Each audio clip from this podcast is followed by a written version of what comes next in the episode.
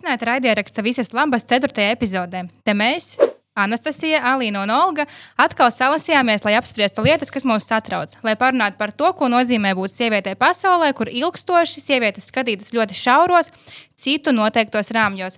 Mums te noteikti nav pa spēkam sagraut gadsimtiem lolotos stereotipus un aizspriedumus, taču mēs gribam par tiem runāt un teikt skaļi, kas mūsuprāt vairs nedrīkst eksistēt. Un manā ieskatā jau sen bija jāizskauž uh, domas par to, kas der sievietēm un kas viņām galīgi nepiedien. Runās skaļāk, Bet nē, nedari tā. Lamājies, fuj, dāmām tā nepienākas. Nepatīk rosieties virtuvē, tad kas tu par sievieti?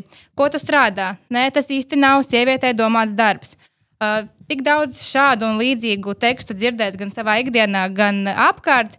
Mums taču vajag uzvesties kā lēdijām. Alīna, vai tu saproti, ko nozīmē uzvesties kā lēdijai, un vai tu esi lēdija? Labdien, klausītāji, skatītāji, Anastasija, Olga un vispārējie, kas piedalās šajā ierakstā. Uh, es teikšu tā, vispirms, es rēģēšu uz ko tu teici, ka mums nav pa spēkam. Viss mums ir pa spēkam. Mēs varam darīt visu, ko mēs gribam, un panākt arī mēs varam ļoti, ļoti daudz, ja mēs gribam. Kā ir jāuzvedās lēdijai? Jā, es zinu. Es šodien esmu garāk leitā. ļoti, ļoti galvu. Pielieku galvu, skatos tev acīs, runāju pieklājīgi, nelamājos vēl. Šī ir ceturtā epizode, un es neesmu pateikusi nevienu sliktu vārdu. Tas, tas ir liels sasniegums. Es esmu Lēdija. Viss oficiāli. Varu braukt pie Čārlza uz karaļnamu. Vai Viljama? Nā, es izvēlētos Hariju, bet nu, tur vairs ko. Nav vairs. Jā. Nav vairs uh, tas. Uh, ah, jā, pie Harija uz Kanādu. Jā, pareizi. Jā. Kas ir Lēdija Olga? Uh, At, atceroties un atgādinot skatītājiem, ka viņi var noklausīties arī mūsu iepriekšējās epizodes, Olga stāstīja par savām kājām. Vai tavas kājas ir lēdija laika, vai arī tas arī nepiedien būt lēdijai un uzvesties tā? Es nezinu, man šķiet, ka, ka mūsdienās eh, ir, ir visdrusku sarežģītāk, eh, un, un ir jā, jāmēģina balansēt, ka no vienas puses tu, tu nedari neko tādu, bet vienlaikus eh, sievietes tā sociāla loma ir mazliet paplašinājusies, un mums ir jābūt kā, kā spēcīgākam, aktīvākam, gudrākam, bet ne pārāk. Nu, tā kā ne ļoti. Nu, ne tā, lai. lai, lai, lai, lai lai, lai tas būtu izaicinoši vai kaut kādā, gadījumā, kaut kādā veidā tiktu uztverts agresīvi. Man šķiet, ka tas ir tas sarežģītais līdzsvars, kas, ir jā, kas, kas ikdienā ir, ir tāds nomācošs. Lai netiktu uztverts izaicinoši. Un man liekas, ka tas ir tas. Uh, Ai, es nezinu, sarežģīts jautājums, vai jautājums, par kuru nav jādomā. Nu, jebko, jebkurš var uztvert Tieši ne tā. tā tu, jā. Tev ir šodienas noskaņojums tāds, tu jūties seksīga. Tu izvēlējies kleitu, tev ir dekoltē, viss ir norm, normu robežās. Un tu tā jūties. Un kādam tas šķiet izaicinoši? Piemēram, Twitterim, kas raksta, ka es vadu šo podkāstu ar daļai kailām krūtīm. Ja? nu, ik pa laikam, un katram, kas katram, vai, vai sieviete arī, kāda ir lēdija? Vai lēdija ir seksīga, vai lēdija ir tāda, kura nav? Kas, nu, kas, kas ir tā gaumas robeža? Vai sieviete vispār drīkst būt seksīga? Vai tas tiek uztverts kā kaut kas nenormāls? Uzreiz, ai, ai, ai tas ir par daudz, sieviete tā nedrīkst. Man liekas, mēs nekad negūsim atbildi uz šo jautājumu, jo vienā brīdī tev saka, uh, nu, tā kā proties, un otrā brīdī tu lasi sieviešu formas un uh, klausies kursiņus, kursikus par to, kā pievilināt vīrieti, un tev tur aicina būt vairāk pievilcīga un tā tālāk. Uh, bet es gribēju šodien parunāt par to, par, ko no mums sagaida, ko mēs drīkstam un ko mēs īsti nedrīkstam. Mēs te sēžam vienas profesijas pārstāvis, un kaut kā mēs līdz šim posmam nonācām. Vai mēs atbilstam, vai mēs varam teikt, ka mēs atbilstam stereotipam par to, ka sievietēm nepiediena eksaktā zinātnes, ja mēs te tādas trīs netur esam? kad es liku eksāmenu skolā, ja, man bija A līmenis matemātikā. Es biju gudra pirms es nonācu šajā profesijā. labi, bet es centīšos, ja, nu, varbūt labi, būt drusku kā Olga šodien. Es uh, tūlīt tapšu nopietna, es beigšu jokot, un es būšu nopietna. Nu, nē, protams, ka nē. Uh, eksāktās zinātnes vai ne, nu, tas ir mīts, ko es nezinu. Nu, man jāizvelk visi tie pētījumi un viss pārējais, kas pierāda, nu, ka tā jāizvelk no savas garas kleitas apakšas. Labi. Uh, uh, pētījumi. Bet uh, pat es nevaru būt Olgai. Kas vainas? Bet uh, mēs zinām ļoti labi, ka tas ir mīts. Un es nezinu, vai man tas ir jāatspēko, vai dzīve visiem sen to ir atspēkojusi. Tas joprojām ir jā, aktuāli. Nē, mēs redzam, uh, skolēnu pētījumos, ka meitenēm labāk iet lasīt prasmē, bet tur tā matemātika un pārējās tēmas zinātnes nu, atšķiras no valsts uz valsti un arī no vecuma uz vecumu. Es atceros, uh, Alīna pieminēja matemātiku, un arī, kad es domāju par, par, par šodienas tematu, tad es atcerējos vienu tādu ļoti sapīgu pieredzi no manas uh, nu, bērnības vai, vai jaunības gadiem, kad uh, skolā, es neatceros, kura, kura klasē tā bija, bet man šķiet, vai nu 9. vai nu 10. kur bija jāliek kaut, kāda, kaut kādas lielas gada beigās nopietnas pārbaudas darbs matemātikā. Un, uh, un es noliku ļoti labi. Uh, un tad uh, un bija tiešām nu, Un es gāju tādā ļoti pārliecināta par saviem spēkiem. Es tiešām sajūtos par to visu ļoti labi. Un tad matemātikas skolotāja man satika gaitenī un teica, ka nu, Olga nevar būt to pati. Un neskatoties uz to, ka iepriekš es pat matemātikas olimpiādēs biju, Bet tik un tā viņa man teica, ne, es neticu. Tur arī nebija viena pati. Bet, Kāds tev bija blakus? Jā, jā, un viņa teica, noteikti tev tas konkrēts tur viens uh, džeks no, no vecākas klases, ka viņš tev noteikti Bez palīdzēja. Mēs nevaram iztikt. Jā, un, un, viņas, un, viņa, un viņas tā, tā, tas pieņēmums bija, ka es nevarēju pati, ka tas pilnīgi nav iespējams, un ka noteikti viņš man palīdzēja, jo viņš romantiski manī ir ieinteresēts, un attiecīgi tad es Nu, tajā laikā nu, ne caur gultu, bet caur, caur kā, erotisko, nezinu, romantisko interesi, izmantojot to, dabūju viņu kaut kādā veidā. Pasmaidīju, un tev atrisināja matemātiku. Tik nenormāli. E, kā lai to pasakā, nu, e, tas, tas bija tik pazemojoši, un tik, tam nebija nekādu seku tai viņas pārliecībai. Bet, bet, Nekādu argumentu. Nu, seku tādā ziņā, ka tas ne, nepazemināja ne manu, ne manu atzīmi, ne, ne viņa tālāk to kādam stāstīja, bet, bet, bet, bet viņa atļāvās man šādi nu, tā pazemot tajā situācijā, jā, un tas bija tiešām ļoti nepatīkami. Nu, nu, re, es sāku atsaukties par matemātiku, savu privāto pieredzi, un tieši tā varbūt man nav izveidojies tāds stereotips, uh, balstoties uz manu arī personīgo pieredzi. Jums klasē matemātikā meitenēm acīm redzami gājas labāk. Tā ir bijusi tāda parasta vidusskola, nav nekāda pirmā gimnāzija vai kaut kas, tad kur man, visiem man, tad, ir labi matemātikā. Īstenībā arī rodas jautājums, kur viņi ņem tās vidējās klases, jo man arī klasē pārsvarā meitenēm bija labāk. Un vēl ar mani tēvs ir spēlējis regulāri šahu. Un šahs man arī ļoti patika. Līdz ar to man ne ģimenē, laikam, š, vismaz uz attiecībā uz zināšanām, ne, ne, ne skolā nebija tādu stereotipu. Nu, tas auga, ko tu teici. Uh... Nē, tu viena, diemžēl, jūties slikti, kad viņiem izsaka šādus te, ka viņas pašas nevar. Uh, Un uh, atradu īstenībā interesantu 2017. gadā veiktu pētījumu uh, par baiļu no veiksmes ietekmi uz sieviešu karjeras attīstību. Te jau par, par konceptu plašāk. Un uh, sākumā, ja es skaidroju, ko nozīmē tas bailes no veiksmes, bailes no izdošanās, kas dažādi uh, spiedieni, kas var nākt gan no sabiedrības, gan no dzimuma stereotipiem, uh, traucē sievietē virzīties gan pa karjeras kāpnēm, gan pa dažādiem uh, citiem savas dzīves līkločiem.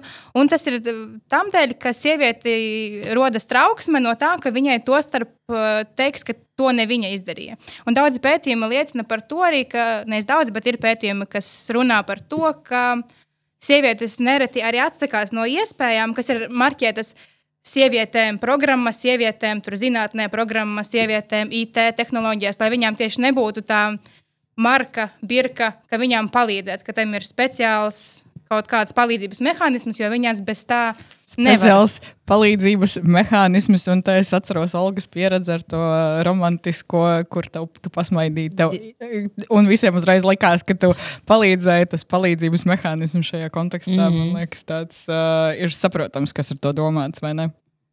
Jā. Uh, vai jūs esat pašas piedalījušās šādos te kaut kādos uh, nu, tiešām palīdzības mehānismos, kur sievietēm nu, palīdz izlausties kaut kādās jomās, kur viņām īsti nav līdz šim liela pārstāvniecība. Es vienmēr esmu domājis par to, ka es varētu Tad ielausties ir... IT, jo tas ir stilīgi, un tagad ir daudz uh, programmu tieši veltītas šim, šim jautājumam. Bet pagaidām es neesmu saņēmusies to darīt. Vai Kāpēc? jums? Tāpēc, es nevaru atrast tam laikam laiku. Bet, nu, īstenībā tas ir. Vai tu gribi mainīt atruna. profesiju? Tūlīt būs skandaloza ziņa. Anastasija pamet žurnālistiku un grāmatā klausās. Nu. Mēs nosūtīsim šo, izgriezīsim šo gabaliņu, aizsūtīsim.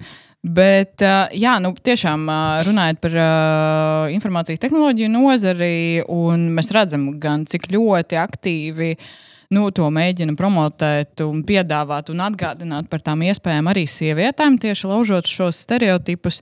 Mēs redzam, nu, ka sievietes arī aktīvi mēģina piedalīties. Es domāju, cik noprotu tur atsaucību un tie karjeras stāsti, vismaz kuri, kurus stāsta dažādas tās, tie uzņēmumi, viņi ir acu priekšā. Man liekas, ka, tiek diezgan, nu, ka tā ir ļoti laba lieta, ko darīt. Atgādināt, ka tev tāda iespēja ir. Vispirms piedāvāt, protams, iespēju atgādināt, ka tev viņa ir, un tad arī parādīt to veiksmes stāstu. Es pati nē, es par to neesmu domājusi vai neesmu gribējusi. Šī nozare man nevilina pagaidām. Nu, tad te jau nav runa tikai par to, ne, konkrēto nozari, respektīvi, bet jā, kādām arī... programmām, kas ir labelotas tieši sievietēm, lai viņām palīdzētu. Kā mēs attiecamies par to? Vai mēs uh, nu, iekrītam tajā kategorijā, par kuru runā arī zinātne, ka sievietes varbūt negrib asociēties ar tām, jo viņas iet savu ceļu, vai mēs tomēr nu, atzīstam, ka tas ir palīdzīgs mehānisms nu, vidē, kur uh, nav, nav līdz galam tomēr uh, vienlīdzīga dzimumiem. Es nezinu, es, varu, es nekad neesmu neko tādu izmantojis, bet, uh, bet es varu iedomāties ļoti labu situāciju, kurā tieši dēļ šiem aizspriedumiem uh, sievietes, kuras savā dzīvē ir pieredzējušas tieši šo attieksmi, ka nu, lūk, eksaktās zinātnes tas, tas nav meitenēm, tas meitenēm nepadodas un nav vajadzīgs un tā tālāk. Vai arī, ja mēs runājam par kaut kādām citām jomām. Un, un, un vēlās apgūt šo drošā vidē, kur viņas zina, ka noteikti viņas nesaskarsies ar šādu, šādu um, šādu uzskatu un šādu, šādu, uh, nu, šādu nos, nosacījumu vai, vai ierobežojumu. Nu, lūk, Es nezinu, man šķiet, ka tas varbūt gan, gan.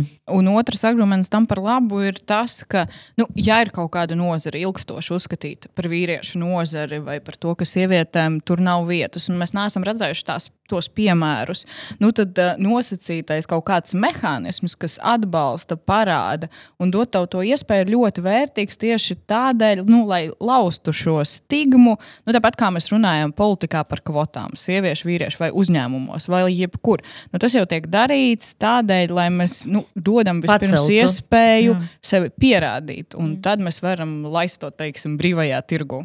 Nu, tieši tāpēc, joprojām, es, es agrāk man tiešām bija ļoti grūti saprast, kāpēc, piemēram, ir uh, atsevišķi sieviešu čempionāti šahā. Kaut gan nu, tas gan nav sports, kur, kur fiziskās kaut kādas uh, ķermeņa uzbūves īpašības uh, sievietes nostad, nostādītu kaut kādā neizdevīgākā pozīcijā. Bet tad es sapratu, ka jā, no acīm redzami šaha pasaule iespējams ir tāda, kur vīrieši dominē. Uh, un, un sievietēm varbūt ir grūtāk tur piedalīties, un šie čempionāti viņas, uh, viņam dod tādu iespēju izlausties.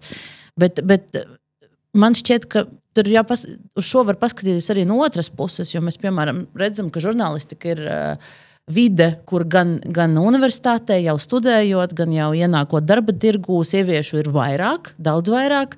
Uh, un, un tas atkal, bet tas nepadara to situāciju labāku. Uh, Jo, ja mēs paskatāmies uz to reālo praksi, tad uh, man šķiet, ka bieži vien vīrietim ir nepieciešama zemāka kvalifikācija nekā sievietei. Lai tiktu uz tādu pašu pozīciju. Jo mūsu tajā heteronormatīvajā pasaulē, te obligāti ēterā jāskan arī ne tikai sieviešu, bet vīriešu balsīm. Arī vizuāli uz televīzijas ekrāniem ir mums jāredz arī vīrieši. Uh, Viņi bieži vien tiek uzskatīti par nu, tādiem uzticamākajiem. Un, un tad, attiecīgi, ja tu esi džeks, tad tas tevi uzreiz padara par nu, kvalificētāku tieši tāpēc, ka vienkārši jūsu džeku žurnālistikā ir maz. Jā, un uh, no šāda aspekta tā ir gluži tā doma, ko es arī gribēju teikt. Un uh, to, to var argumentēt ar uh, dažādiem pētījumiem, nosacīti par to, ka vīriešiem vairāk uzticās, ja vīrietis ir ēterā, viņa balsī, pasniegšanas veidām, nu, piemēram, ja mēs runājam konkrēti par televīziju.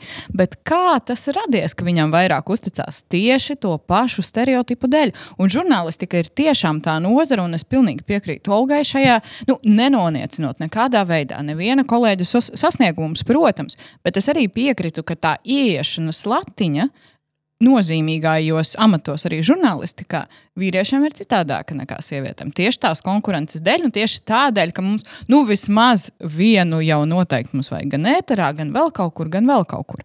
Un eh, tas arguments par uzticēšanos, nu, man liekas, pašlaik neiztur pilnīgi nekādu kritiku, bet, nu, labi, es domāju, nekavēsimies ilgi pie.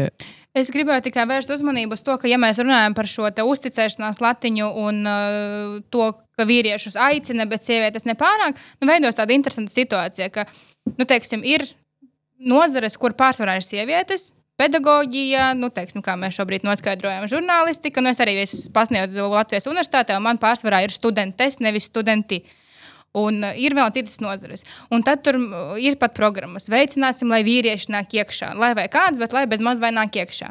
Bet ir nozares, kur ir uh, pārsvarā vīrieši dominētas, dažādas. Un tur nav tā, ka nu, paņemsim sievieti tikai tāpēc, lai mums būtu sieviete. Viņu vēl kritiskāk uh, novērtēs un apšaubīs viņas kaut kādas spējas kaut ko darīt. Man, piemēram, ir mammas stāsts. Uh, ko viņa man pastāstīja. Nu, protams, ne šim raidījumam, bet es zinu savas mammas dzīves stāstu. Uh, viņa bija viena, uh, vienīgā studente starp uh, visiem džekiem kursā, kas kādreiz studēja inženierzinātnes, radiotehnoloģijas. Un viņu negribēja ņemt tikai tā iemesla dēļ, nu, ka viņa ir sieviete, jo viņa nevarētu pēc augstskolas ieskatā pavilkt, lai gan viņa bija izcilniece, toreiz ar sarkano diplomu. Un, nu, man, man tā liekas ļoti dīvaina situācija, ka vienus mēs aicinām, bet citus vēl, ai, nu, tu nevarēsi, tāpēc mēs tevi nemaz arī neņemsim. Bet, nu, it kā aicinam, jo mums atkal eh, pirms laika bija, bija gadījums, kur viens vīrietis, kurš eh, vēlējās strādāt bērnu dārzā par, aug, par, par es neatceros, kurā no tiem, no, no tiem amatiem, vai nu par augli, vai nu par, par skolotāju. Uh, saskarās tieši, ja es nemaldos, un tagad, lai tas vīrietis atvainojies, neprecīzi atceros to stāstu, uh, ar, ar vecāku, vai, vai tur bija ar citu pedagoģu neizpratne, ka lūk, tas, tas laikam ir kaut kas jocīgs, ko viņš tur grib no tā bērnu dārza. Un, uh, un, un, Man laikam nav statistikas, lai saprastu, nu, kurš kurā pusē te ir, te ir, te, te ir tā, tā, tā diskriminācija vai tā sabiedrības neiecietība lielāka. Bet, uh, Bet man šķiet, ka, ka nu, laikam, tur, tur tajā otrajā vīriešu pusē šī arī ir problēma. Uh, un galu galā viņu kolektīvi, kas ir tikai vīriešu kolektīvi kaut kādos uh, tajos eksakto zināšanu uh, uzņēmumos vai jomās, arī cieši no tā, ka nu, viņiem nav šīs uh, nu, citādākas perspektīvas. Ne, es piekrītu pilnīgi noteikti, ka, ja mēs runājam par bērnu dārzu, sociālo aprūpi un vēl kaut kas, kur tiešām mm, par so, aprūpas namiem mēs daudz runājam, ka tieši vajag vīriešus arī, lai viņi palīdzētu, vismaz nozara runā. Bet uh, nu, tas stereotips ir tiešām strādāt tur uh, otrādi. Viens ir tas, protams, ko, kāpēc uzreiz visiem tāda neizpratne, un otrs par to atalgojumu līmeni. Jā. Atkal, jo vīrietim taču ir jāpelna daudz, jābūt, jādomā par karjeru, un kā tu tagad nenopelnīsi miljonu pēkšņi. Un tas jau arī tas stereotips, kas attur uh, un neveicina to labo, skaisto dzīvi. Nu, jā, un, un, uh, un, un, tā, un ja es pareizi saprotu uh, arī to situāciju, tad uh, starpība starp vīriešu un sieviešu atalgojumu statistiski veidojas nevis uz tā rēķina, ka par vienu un to pašu darbu vīrieši un sieviete saņem atšķirīgu atalgojumu, bet tāpēc, ka sievietes pārsvarā strādā tajās profesijās, kur. Uh, nu, nosacīt tajās aprūpes profesijās. Aprūpes profesijas, un, bet... kas ir mazāk, kas ir mazāk, mazāk atalgots. Jā, un arī tajās profesijās, kur tu vari aiziet precīzi, nezinu, piecos, piemēram, lai pagūtu izņemt bērnus no bērnu dārza, jo tas ir uzdevums kam? Sievietei, protams. Uh, un tā, tie stereotipi, par ko mēs runājam, tas ir, nu, mēs tagad arī sajūtam nu, faktiski uz savas ādas, bet arī uh, gribu pastāstīt par pētījumu, ko izlasīju tieši par uh, dzimumiem un profesiju uztveri. 2018. gadā veiks, līdz ar to nu, diezgan atbilstoši mūsdienu reālijām. Un uh, tajā skaidrots, ka kopumā ideja par profesijām un to izvēli cilvēkiem rodas nu, vispār ap piecu gadu vecumā, un tad tas ir diezgan tāds fantāzija auglis, nu, kad mums prasa, nu, par ko tu vēlies būt. Alīna, tev prasīja, par ko tu vēlies būt? Jā, es negribēju būt žurnālists. Nē, tas nebija manā sarakstā. Nu, un ko tu atbildēji, ka tev prasīja?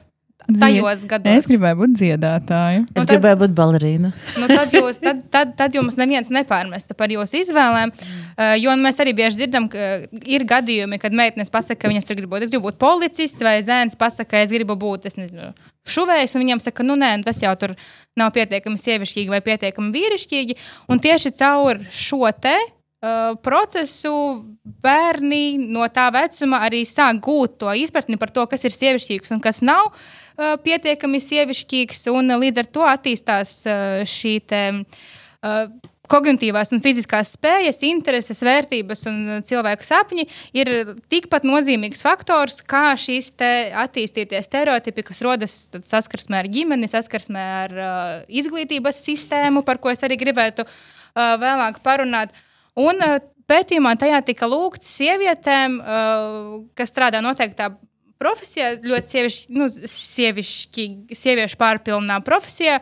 Viņam tika lūgts uh, norādīt profesijas, ja tiek domāts par sievietēm. Nevis tās, kas it kā būtu vairāk viņām, kur viņas strādā, bet nu, vienkārši meklēt asociācijas starp profesiju un dzimumu. Un atbildes, protams, nebija nekādas pārsteidzošās. Tur bija skolotāja, medmāsa, ārste, mājasēmniece, aukla, sekretāra un tā tālāk. Savukārt vīriešu kontekstā tas bija uh, strādnieki, ārsti, interesanta kategorija bija visu darīt spējīgie. Policisti, inženieri un tā tālāk. Nu, un līdz ar to man šis. Te... Pagā, kur ir supermeņi un spidermeņi un tā tālāk? nu, tās jau mūsu sapņu profesijas varētu būt dažiem. Bet par ko es gribēju sākt šo stāstu? Ka uh, liela nozīme ir tam, ko mēs gūstam ģimenē un tam, ko mēs gūstam skolā. Uh, Maitarība. Mana sāpe visus gadus, kad viņa bija skolā. Kā jums bija attiecības ar šo mācību priekšmetu? Ai, man, man, man bija, bija maitarība, man liekas, vienā, vienu gadu, tāpēc, ka es gāju ebreju skolā, un tad mums bija visādi ebreju tradīcijas, un valoda, un ivrīts, un, un tā tālāk. Un uz tā, uz tā pamata mums diezgan ātri nokancelēja visu, visādas maiturības. Bet mums bija Bet, jā, bet es neatceros, ka mēs kaut ko varam. Nē, es vienkārši domāju, vai jāatzīst. Traumas man nav. Vai jāatzīstās tajā, ka tās zeķes, ko es nodevu, kā, kā es būtu radījusi, to darīja kaimiņiene patiesībā. Es nezinu, vai publiski to drīkst vispār stāstīt. Jo nu, es domāju, ka diplomu tev ne, ne, neatņems, mēs zinām stāstu. Tu tā domā, bet uh, pagaidi Twitteri. Uh, Twitterī mēs arī pazīstam, bet mēs zinām, ka neanulē pat uh, dip diplomu darbus augstskolās par plaģiātiem. Tad gan jau tavas plaģiatizētās zeķes nevienam lielu bēdu nedarīs. Bet, jā, runājot par maitrību, man, paras, man tā bija piedod, liela sāpe par tām zeķēm, ātri, jo es tā arī neizadīju pāri. Es, es arī. Un man, man, man, man, diemžēl, neviens arī nepalīdzēja viņas sadīt. bet, uh, bet bija ļoti ērti. Tās. Man bija divas stundas no rīta. Es nevienmēr gāju vienkārši uz tām stundām. Bet uh, es atceros, atceros, ka man liekas, vai man, man šķiet, ka es to neesmu nosapņojis, ka mums bija viena reize vai kaut kas tāds, kad mēs mainījāmies. Čaļi nāca uz mūsu maiturību un mēs gājām. Nezinu, ko darīt. Vat to es neatceros. Tas man pazuda. Bet to, ka viņi gatavoja ēst, to es atceros. Bet mēs nezinām, kā ir tagad. Es ceru, ka tas ir mainījies. Es redzu, ka bērnu dārzā visi, visi dara vienu un to pašu, kad viņiem ir kaut kāda rokdarbu lietas, bet, bet kā ir skolās šobrīd? Un, laikam, atšķirās arī no skolas, kā, kā tās programmas veido. Un, un, protams, par tām interesēm. Un atkal, protams, tas kaut kādā mērā rada to iespaidu par to, kas tev ir jāprot kā sievietei, kas tev ir jāprot kā vīrietim un vispārējais. Un, nezinu, tas ja vērtējot no šodienas perspektīvas, nu, tas nebija tas labākais, ko darīt tajā laikā. Ceram, mēs nezinām, bet ceram, ka tas vairs tā nav. Uh, man liekas, ka tas ir būtiski nu, paskatīties uz to atpakaļ laiku, uz pagātni, kad mēs mācījāmies skolā. Tā jums dēļ, ka mēs, mūsu vecuma cilvēki, šobrīd ir vecāki, kas arī ir viens no tiem faktoriem, kas ietekmē jauno paudzi. Un, uh, līdz ar to, ja tev vecāki mājās saka, nu, uh, ja tu nekārtos istabu, tad tevi vīrs nemīlēs, vīrs pametīs. Vai vēl Ja kaut Nebūs, gatavosi. nebūs tā vīra vispār. Nu, jā. Viss skaidrs, mammai bija taisnība. Tāpēc man arī nav. Tad tu Bet- mētā zeķes. Uh, Es vainoju zeķis. Mm. un uh, kārtošanu un ēst gatavošanu. Nē, nu, protams, es to visu daru, bet laikam nācam redzot ne tik ļoti labi. Bet, nu, tas, protams, uh, tās gaidas no visiem, kādai tev ir jābūt. Nu, tas nevienam cilvēkam, vai kādam tev ir jābūt. Tas nevienam cilvēkam, tas spiediens vai tie rāmji nav veselīgi. Jebkurai izpausmē, vai profesionāli, vai dzīvē. Un man liekas, ka ļoti svarīgi brīžiem apstāties un padomāt, vai tas, ko tu dari, tu dari tāpēc, ka tu vēlies to darīt, vai tāpēc, ka visi tā dara. Visi vīrieši tā dara, vai visām sievietēm ap 30 ir nezinu, jābūt bērniem, vai visām jābūt. Nu, respektīvi, arī kaut kādā brīdī pamēģināt ieklausīties sevi ir tāda ļoti forša, noderīga lieta. Mm. Bet man šķiet, ka te ir arī līdzīgi, kā ar, kad mēs eh, iepriekšējā epizodē runājām par skaistumu. Un, un te, te ir laikam kaut kas līdzīgs. Jo, ja kaut kas eh, tik, ta, tik, tik, tik pamatīgā bāzes līmenī ir, ir, ir ielikts apziņā, tad vai no tā savu personību vairs var atdalīt? Jo es atceros, kad man bērns bija zīdainis. eh, Es, man vajadzēja viņam knupjus nopirkt, un tad es iegāju internetu veikalā. Un es ieraudzīju, kā arī knupji zīdaiņiem, trīs mēnešus veciem, ir sadalīti puiku un meitiņu knupjos. Jo viena ir rozā, un dzelteni, un sarkani, un vēl kaut kādi ar puķītiem, un citi ir zi zili bez nekādiem tur zīmējumiem. Nu, tas ir tikai viens no piemēriem, bet, bet ja tu vēl pirms tu sāc sevi apzināties kā atsevišķu personu no saviem vecākiem, gan caur ģimenes modeļiem, gan, gan, gan caur vienkārši novērojot, kas ir apkārtnē, gan caur valodu, uh, iesūdz, ka lūk, ir šīs, šīs atšķirīgas ļoti dzimuma lomas, un ka vīriet, vīriešiem un, un sievietēm ir šīs atšķirīgie pienākumi, spējas, tad tu, nu, es, es nezinu, vai, vai ieklausoties sevi, mēs varam Uh, mēs varam līdz galam to atšķirt. Un, ja ir tāda vēlme, tad man, man liekas, ka viena lieta ir ieklausīties, bet otra ir mazliet sevi pačalenģot. Nu, Jā, uzdot nu- tos jautājumus, nu, mēģināt kaut kā. Ja ir spēks, un tam atkal ir vajadzīgs spēks un resursi, un, un ja mums tāds ir, tad mēs esam arī diezgan privileģētā stāvoklī, ka, Protams. ka mums ir iespēja vienkārši Jā, es Padomāt, runāju par jā. tiem brīžiem, kad tev rodas šaubas. Mm. Jau, ka, respektīvi, kaut kas jau nav tā, kā tu vēlēsies, un tev rodas kaut kādas dusmas, neapmierinātība ar dzīvi vai kaut ko. Tie brīži ir svarīgi, ka, ka tu vari apdomāties. Un, uh, protams, pačalenģot sevi arī ir ļoti vērtīgi. Un, protams, to nevar darīt tajā brīdī, kad tu, nezinu, tavs galvenais uzdevums šodien ir izcīnīt savu izdzīvošanu, ēdienu, siltumu un uh, jumtu virs galvas. Protams, tādos brīžos es to neiesaku. Es saku, nu, ja mm. ir rodas pārdomas, atceramies, kā saucās mūsu raidījums. Visas ir labas.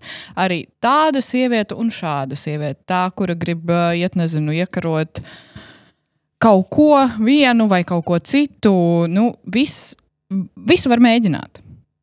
Kontekst- Arī iekarot, es domāju, profesiju. Nu, var arī iekarot Nē, valstis, virsotnes, valstis nedrīkst. Uh, Tā kontekstā ar to, ko jūs teicāt, ka nu, vai mēs saprotam, ko mēs īsti pašas gribam, nu, ņemot vērā visu to bagāžu, ko mēs uzņemam no apkārtējiem cilvēkiem un apkārtējas vidas. Uh, Pirms podkāsta palūdzām mēs arī uh, mūsu sekotājiem Twitterī uh, un citos sociālajos medijos dalīties ar savu pieredzi. Un paldies liels par to, ka jūs dalāties savos stāstos ar mums, mēs labprāt turpinām uzklausīt jūsu pieredzes, jūsu sāpes un priekus. Un Šajā kontekstā gribu nolasīt vienu no iesūtītajiem stāstiem. Uh, Mama borēja, ka jākļūst par skaistuma kopšanas meistari, jātaisa dāmām maskas, sejas masāžņas, jāsēž baltā halāteņā, jāizmācās taisīt injekcijas. Tas radīja milzu apjukumu pusauģa galvā, jo 100% nezināju, ka to gribu, jo 100% zināju, ka to negribu, bet ko gribu, arī neuzzināju. Nezināju, jo neviens neiemācījās, neiemācījās gribēt. Man liekas, šis ir ļoti būtisks, būtisks aspekts. Uh, tieši tas teikums, neviens neiemācīja gribēt. Vai tā ir arī šī problēma, ar ko mēs uh, saskaramies ikdienā? Mūsu paudze, vai mēs esam izkāpuši no šīs problēmas ar jauno paudzi, kur iespējams ir uh, gribošāka, vairāk spējīga artikulēt savas vēlmes? Es nezinu, es nezinu ja, jaunāko paudzi. Man grūti pateikt. Eh, es, es tikai ceru, ka to, to vecāku, eh, mūsu paudze, mana paudze, kas šobrīd ir mazo bērnu vecāki, eh, varbūt ir nu, kritiskāk pieiet tai, tai audzināšanai ar, ar, ar, ar vairāk zināšanām, un, un, un ka mums sanāks labāk. Un man liekas, ka tas ir mazāk par dzimumu, ja mēs runājam par vecāku gaidām no tevis. Arī vīriešiem, dēliem tas sloks ir Protams, milzīgs, jā. ko uzliek vecāki.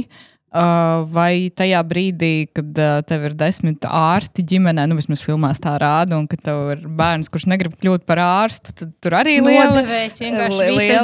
Vai uzņēmēji darbību turpināt? Ir ļoti daudz jautājumu, bet uh, nu, es nezinu, vai mēs šodien uh, varam to atrisināt vairs. Vai, vai, vairs es neesmu tik optimistiska kā sākumā.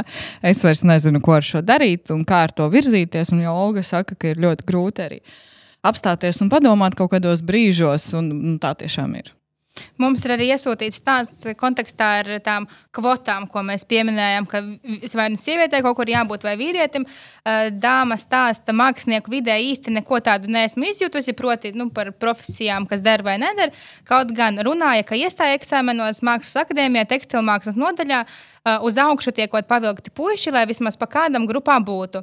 Man personīgi profesijas izvēle nebija saistīta ar dzimumu, vienkārši sekoja tev pēdās. Tepat apvienoja šie divi mūsu uh, divas stāstu.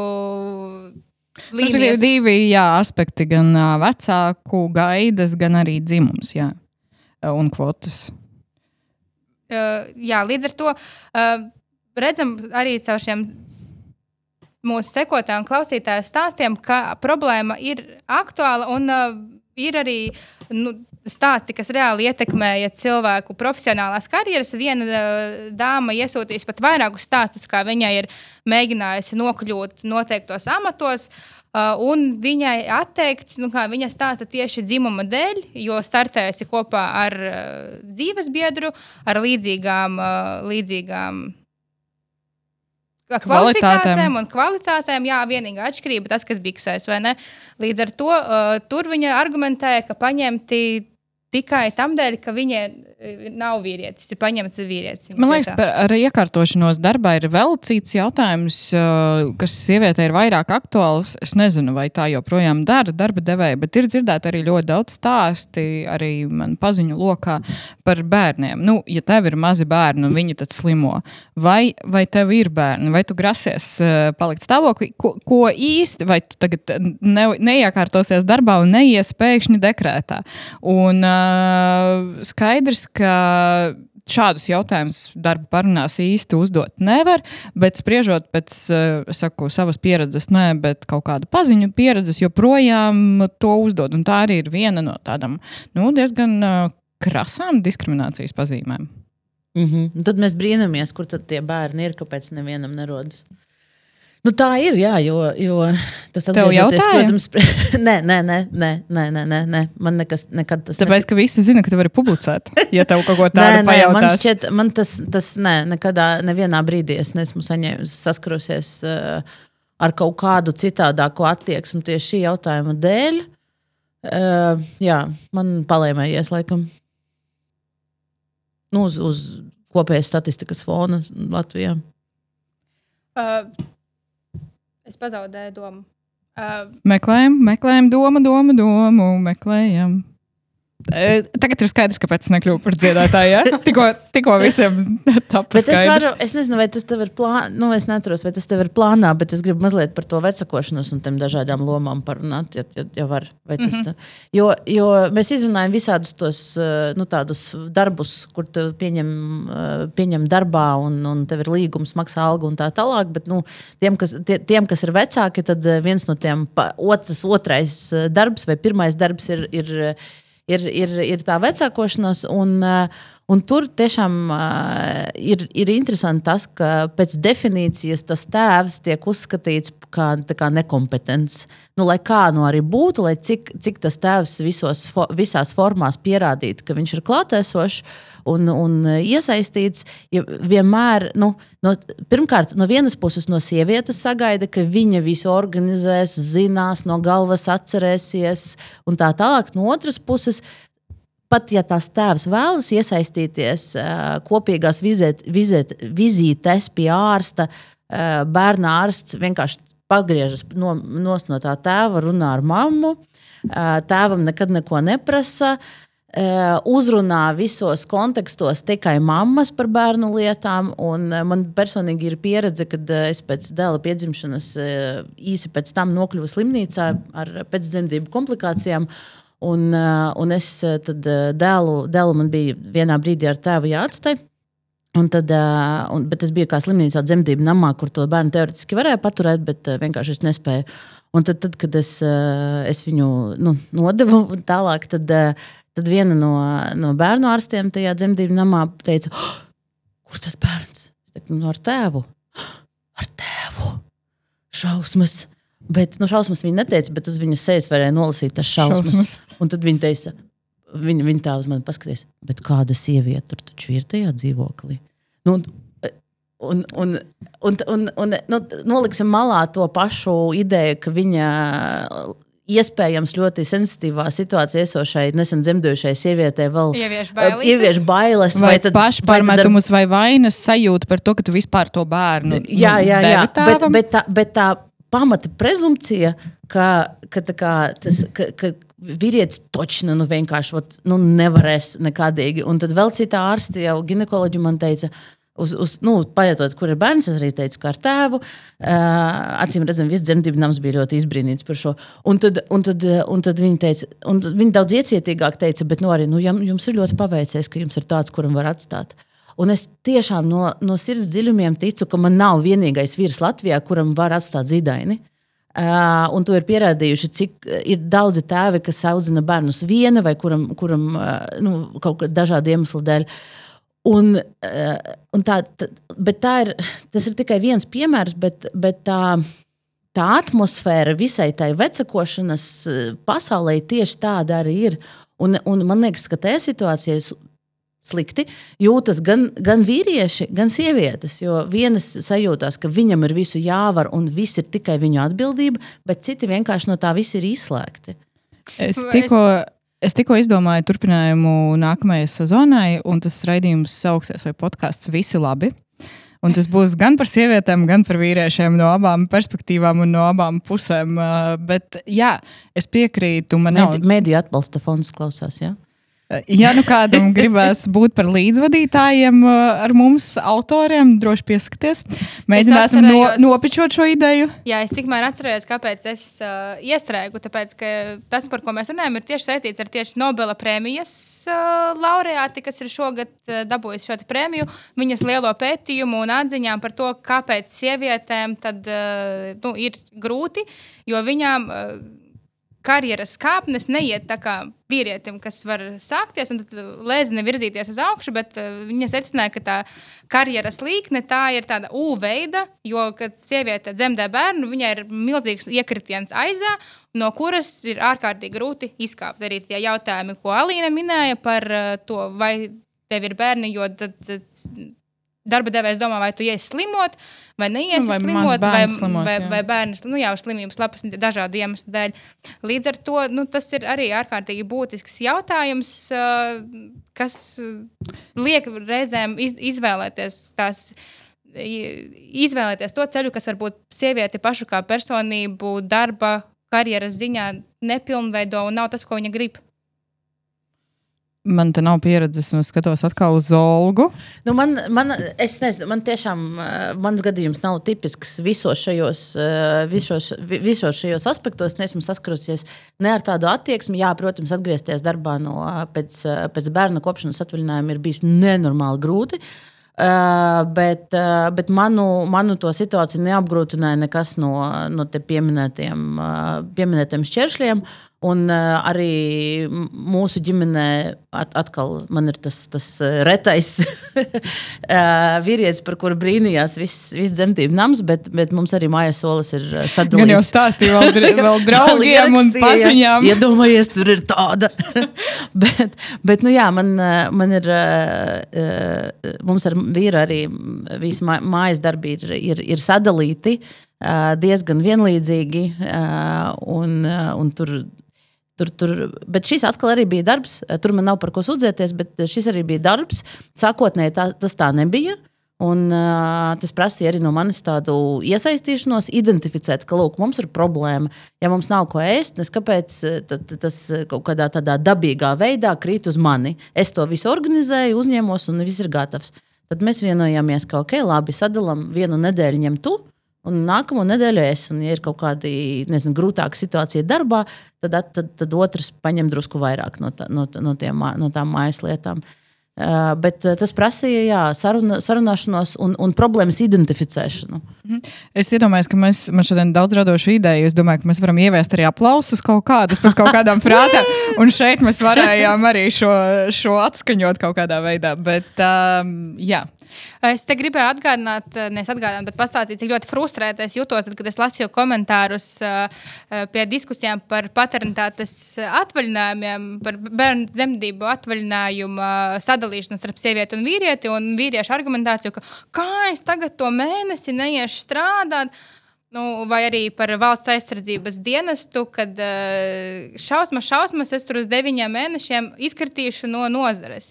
Un tad man likās ļoti leģitīmas sieviešu atbildes, ka, nu, come on, nu, kāpēc eh, pret viņiem tas uh, ir vērā ņemams faktors, bet sieviete, kas reāli izkrīt no darba, izkrīt no vispār savas dzīves un interesēm, kāpēc tas neskaitās leģitīmi tajā brīdī? Es neatbildēšu uz šo jautājumu, kāpēc tas tā skaitās. Es nezinu, kur tas skaitās, kurš to skaita, kurš to nosaka vai nenosaka. Uh, vēl viena lieta, ko es, es vienkārši skatos uz laiku un gribētu parunāt nedaudz par tādām ikdienas ainiņām, par to, ko sieviete var vai nevar. Es ceru, ka es neiztraucēšu tavu scenāriju vai domu, jo man liekas, vēl būtisks jautājums par hobijiem kas, kāda sievietei drīkst būt hobijs vai nē. Un te ir laikam nedaudz par savu pieredzi. Man ļoti patīk boks. Un, uh, nodarboties ar to diezgan regulāri, iet, nezinu. Un es esmu novērojusi reizi pa reizē, mums sporta zālē durvis parasti ir vaļā, gaitenis garš. Tur blakus ir uh, dažādas citādas nu, sporta nodarbības gan bērniem, un iet tur uh, maza meitene ar mammu, laikam mammu, un saka, o, oh, cik interesanti, un mamma tāda. Tas nav domāts meitenēm. Un mm. viss. Uh, man arī, es nezinu, cik reizes es savā dzīvē, esmu, nu, kamēr es uh, nodarbojos ar boxu, cik es esmu saņēmusi jautājumu, vai tas ir sievišķīgi. Uh, man ir arī pieredze pirms tam cīņas sporta veidos, ka pusauģa gados man bija nu, tāds nopietnākais mans sporta posms, bija karatē, kas arī, protams, nu, tā sievietei, nu, tā meitenei, nu, varbūt nav līdz galam labi. Un man liekas, ka nu, tas arī ir viens no tiem stereotipiem kaut kādiem, kas neļauj varbūt mums arī izpausties pat šajā jomā. Es nezinu, tas ir, es vienkārši es nevaru, tas ir tik debīli. Es tad šo vārdu drīkst. Ja? Es nezinu, ja kas, piedod, ja, Anastasija. ja kas Patriks Es iepikstās. vienkārši- Patriks, piedod. Man liekas, ka Patriks, es atvainojos, A, vēl viens iesaukt vārdā, varbūt Jā, viņu arī, strādāt. viņu arī citā podkāstā sauc vārdā, un tad es domāju, ka jābūt kaut kādam, kur tu beidzot arī pats iesaistīsies un vadīs, lai beidzot visi redz, kā tu izskaties. Izklausies. Vai izklausies, jā. Es piekrītu, ka tas ir absolūti, eh, absolūti šausmīgi par karatē savu piebildi. Es vi- vienā vasarā biju karatē nometnē, vasarā, jo vecākiem kaut kur tie bērni ir jāliek. Un tad, kā man šīs karatē nometne rezultējās, ka ar šausmīgu zilumu zem acis, jo nu, tur vajadzēja darīt tos, eh, tās lietas. Tās lietas. Tās Eh, lietas, Parasti, tagad lielu meitenes zilumu. kontaktā nesit pa seju, tur ir tā, ka noteikumos var dabūt soda punktus par to. Bet ātri es pateikšu. Kaut kādā mērā, kaut kādā brīdī, ziniet, kas ar mani notika? Ejot uz treniņiem, es sāku piedomāt, ka es neeju, nu, kamēr tu aizēji līdz ģērbtuvei, no mājām līdz ģērbtuvei, ka, nu, es varbūt saģērbšos, nu, tā pieklājīgāk, šodien smukāk, lai izskatītos sievišķīgāk pa ceļam uz boksu, lai visiem nerodas tie jautājumi. Jo tiešām to jautājumu bija ļoti daudz. Nu, Kāpēc tad no visiem sporta veidiem šīs? Bet, nu, jā, kā mēs Bet... runājam ar meitenēm, uh, jebkurš sports ir ļoti labi un uh, arī mentālajai veselībai un visam citam uh, veselības uh, Bet tu tagad esi apzināta vecumā, nu, tā kā tu esi pieaudzis cilvēks Jā. ar nostabilizējušos ps- psihi, ar spēju racionāli izvērtēt lietas. Gribu pastāstīt arī par savu stāstu. Kad man bija 11 gadi, es, gā, nu, es mācījos skolā un gāju arī uz vieglietas treniņiem. Es biju tieši tik izlases bērns, lai es nemācītu skriet, lekt un darīt tam līdzīgas lietas. Tāpēc tu dara- gāji uz treniņiem. Jā, es gāju uz treniņiem, bet nu, trenerim kaut kur vajadzēja mani nolikt, ielikt, un viņš iedeva man rokā lodi. Un iedeva rokā disku un visus pārējos uh, grūžamos un metamos smagos rīkus. Es tevi sāku brīnot šajā brīdī. Es nesaprotu, kā ar to var tikt galā. Nu, lūk, es nesaku, ka man šausmīgi labi sekmējies, lai gan man mājās ir viens kausiņš. Bet, Aplausu ieviešam-. Ieviešam Wow. aplausu rubriku, bet ko es gribēju, uz ko es gribēju šeit vērst uzmanību? Tie bija mani 11 gadi. Tas ir posms, kad tu esi teenageris, tad, kad tev sākas kaut kādas tur, nezinu, pirmās mīlestības un viss pārējais. Un tev, jā, un tu iedomājies, es, es vienkārši pieķēru sevi, analizējot savu to posmu, pieķēru sevi pie atziņas, ka tad, kad man to brīdi prasīja, ko es daru, un es eh, teicu, es eju uz vieglu atletiku, un tad tas tā piebilde par lodes grošanu man liekas. Likās kauninoša, nu, kaut kādā mērā, jo tas nav tas, ko dara visas meitenes. Visas meitenes tievas īsos šortos skrien vai lec, vai nu, dara kaut kādas graciozas lietas, un es tur tā- tāda kā bumba grūžu lodi. Nu, man, nu, es vienkārši, es tagad saprotu, ka tas, nu, tas arī ir sarežģīts sporta veids, tas eh, Ļoti prasa sarežģīts. spēku un, uh, un, un tam līdzīgi. Bet toreiz es pieķēru sev pie domas, ka tas stereotips, ka tas ir nepietiekami sievišķīgi un kādā sakarā es daru kaut kādas vīrišķīgas lietas. Nevis tas mākslas tad- vingrošana, Jā. Anastasija. Nu, Kas tad, būtu, nu? nu, tajā vecumā es būtu kā zilonīts triko uh, ar uh, lentīti vai bumbu, bet uh, tas ir cits stāsts. Uh, bet, nu jā, es pieķēru sev pie domas, pie tā, ka es jutos apkaunota. Iespējams, man patika tas, bet man bija kauns citiem stāstīt tieši to, ko es daru. Un tas ir nu, arī šo te stereotipu um, dēļ. Un te mēs gribam atkal visus iedrošināt, kuriem ir hobiji vai kuri domā par kaut ko pamēģināt vai izdarīt. Nu, ja jums gribas, nu vienalga, kurš tur ko pateiks vai padomās, uh, ejiet, mēģiniet dažādus sporta veidos, sporta veidus un jebko, kas jums šķiet saistoši. Un Alīna, tu un Ali- Olga pieminējāt arī mājas soli. Te Olga ir mājās ar tevi, eh, kā mēs jau uzzinājām šodien, ideālo, netipisko eh, vīru.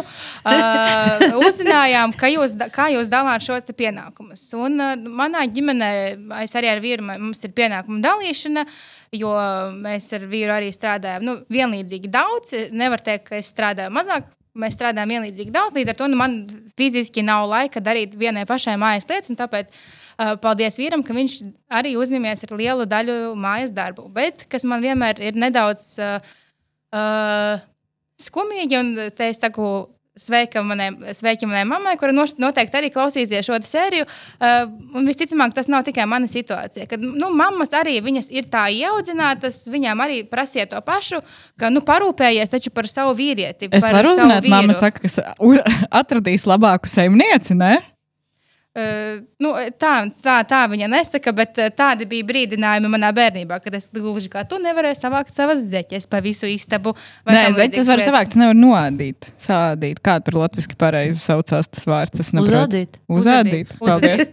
Paldies. Ne, ne izdarīt, ne pateikt, neko es nevaru šodien. Jā, un, un uh, es, un es mammai arī cenšos skaidrot, ka nu, mēs ar vīru daudz strādājam. Mums ir sadalīta pienākuma, man vīrs mazgā traukus. Uh, es gatavoju ēst, viņš mazgā traukus. Es atzīstu, ka man šausmīgi ir iebijusi šī nodarbe, uh, bet manai mammai tas nevienmēr liekas saprotami. Bet es arī viņu saprotu, jo viņa ir augusi. Nu, Tajos laikos, kad nu, vispār par par šādu raidījumu, kā mēs šobrīd runājam, vispār būtu grūti iedomāties tajā, tajā laikā.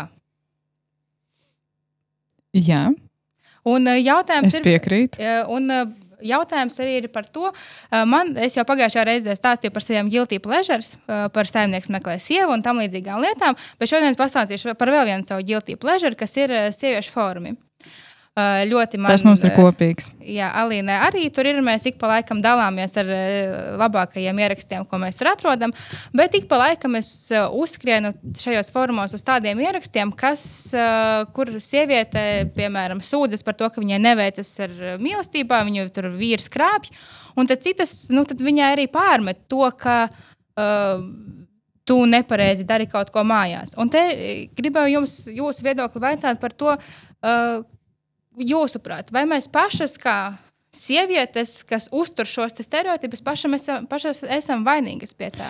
Es no cita aspekta par to domāju, ka mums, sievietēm, nu, vispār visiem cilvēkiem, protams, bet mums, sievietēm, ir viena otru ir jāatbalsta. Nevis visu laiku jāmēģina noniecināt, ka tu dari nepietiekami, ka tu neesi gan ne skaista, gan ne laba saimniece, vēl kaut kas. Jo lielā mērā patiesībā mēs pašas jau to kaut kā ar saviem izteikumiem uh, vai kaut ko tādu kultivējam. Tie padomi, ko mēs dodam draudzenēm, cerams, pēc tam, kad viņas palūdza mums padomu, nevis tāpat vien. Un vispārējais, mums ir viena otra jāatbalsta.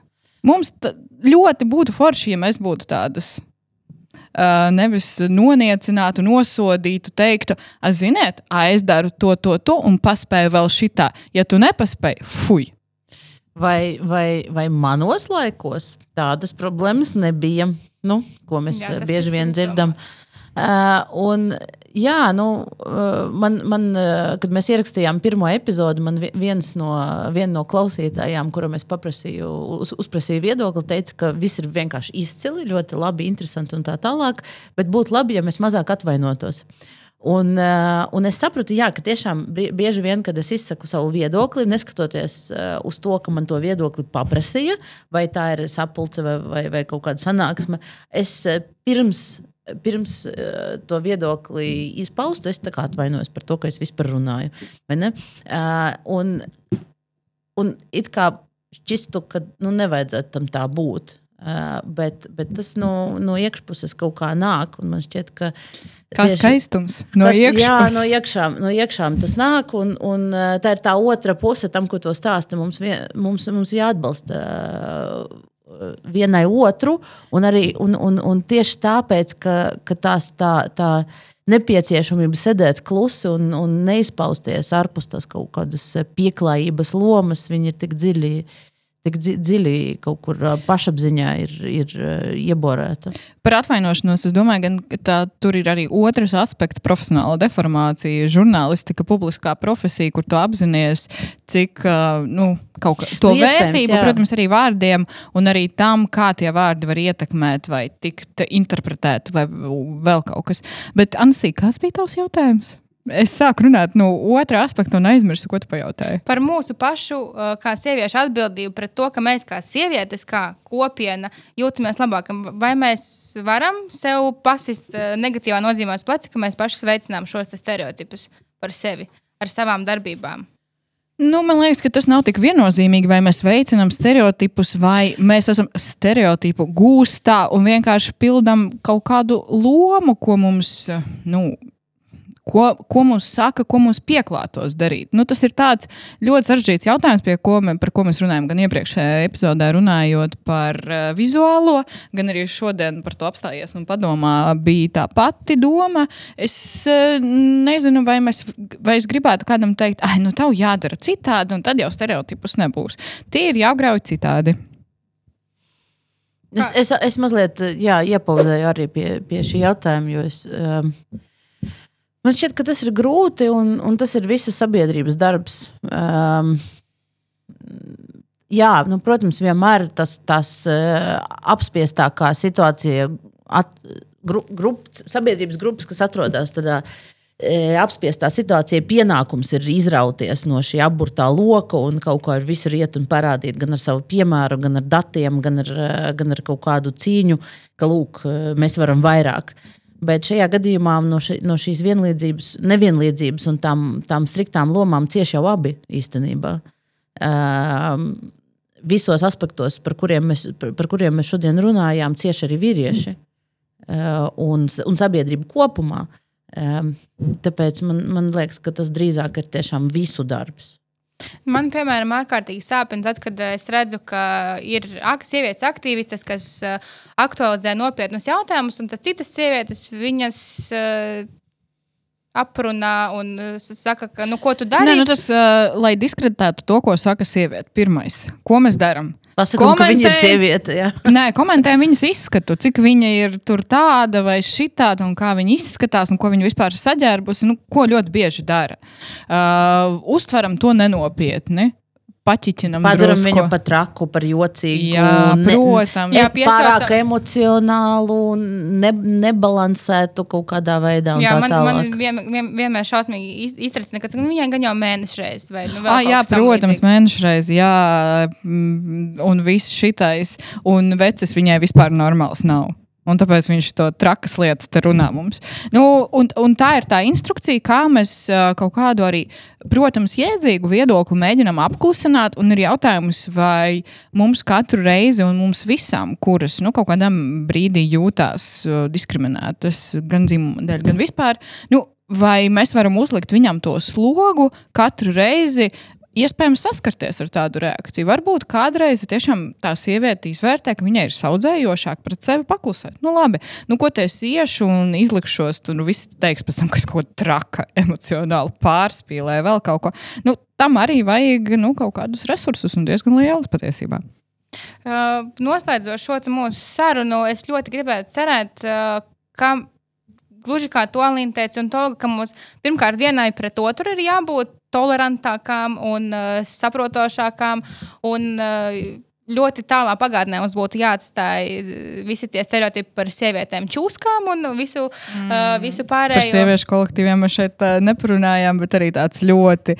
Ir biežs, uh, podcasts. Atsevišķs podkāsts, uh, par ko ļoti daudz, nu, nu, par uh, sieviešu kolektīviem un visu pārējo, kur arī pašas sievietes uh, iesaistās to tajos stereotipus un visā pārējā, bet es atvainojos, es tevi pārtraucu. Nē, viss ir kārtībā šajā reizē. Paldies, Ansīte, Šajā reizē viss, viss ir, viss ir kārtībā. Tieši es, es eh, gribētu šo mūsu tikšanos tieši noslēgt ar to, ka man uh, negribētos, lai uh, arī mūsu paudze un nākamās paudzes sevī nes šo te stereotipu par sievietēm, kas pašas viena otru nograuž.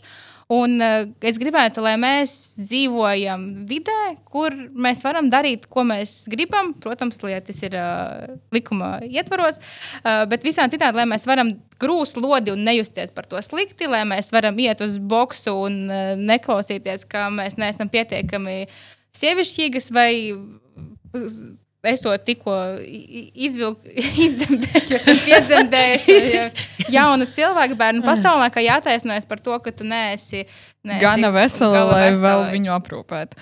Jā, nu, tā ir ļoti laba doma. Svētīgi arī pašam eh, to iekšējo kritiķi dažkārt ar to nomierināt un vispārējo.